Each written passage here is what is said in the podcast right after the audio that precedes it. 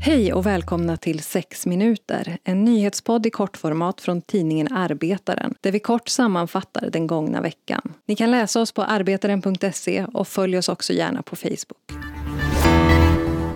Barnmorskornas kamp för bättre arbetsvillkor och för en säkrare förlossningsvård fortsätter. I tisdags demonstrerade exempelvis över tusen personer utanför regionhuset i centrala Stockholm i samband med regionfullmäktiges budgetmöte. De krävde bland annat mer pengar till förlossningsvården och en bättre arbetssituation för de anställda. När det omstridda och hårt kritiserade finansregionrådet, moderaten Irene Svenonius, kom ut för att tala med demonstranterna så möttes hon av kraftiga burop samtidigt som hon fick ta emot en lunta med 90 000 namnunderskrifter. Protesten som arrangerades av paraplyorganisationen Sveriges kvinnolobby innehöll tal från bland annat Vårdförbundet, RFSU och Barnmorskeförbundet. Och ett av kraven som restes var att regionen årligen ska satsa 200 miljoner kronor på att anställa fler barnmorskor för att både avlasta den befintliga personalen men också för att skapa fler förlossningsplatser. Nu till Portugal. Där har en ny lag klubbats igenom som förbjuder chefer att kontakta sina anställda efter schemalagd arbetstid. Det här för att förbättra arbetsvillkoren och minska stressen för de som jobbar hemifrån. Enligt den portugisiska regeringen har den pågående pandemin nämligen lett till att gränsen mellan arbete och fritid blivit allt mer diffus. Lagen gäller alla företag med fler än tio anställda och innebär även att arbetsköparna ska betala för de extra kostnader som hemarbete innebär i form av bland annat höjda el- och interneträkningar. Dessutom får alla anställda med barn under åtta år nu också rätt att själva bestämma om de vill jobba hemifrån utan att i förväg behöva be sina chefer om lov.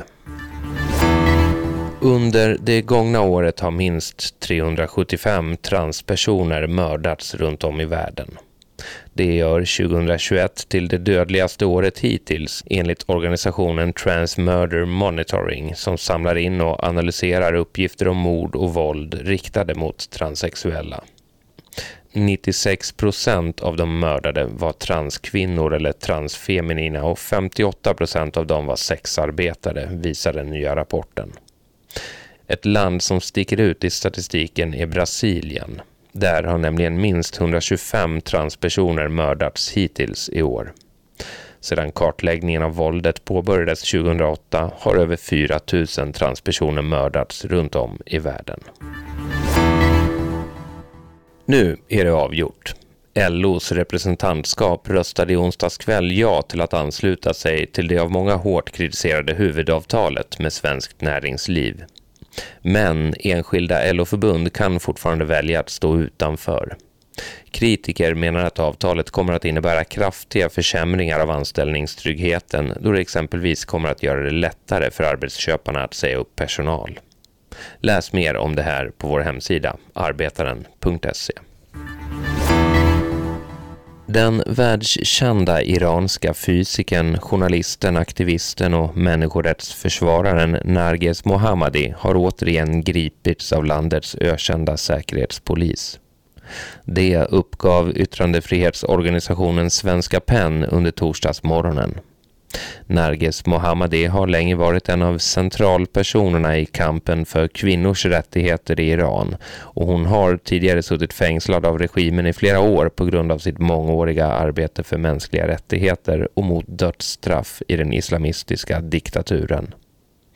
Under torsdagsmorgonen kom uppgifterna att hon återigen gripits och den här gången efter en manifestation till minne av Ibrahim Ketabdar, en av de ungdomar som sköts till döds av militären i samband med protesterna mot regimen i november 2019.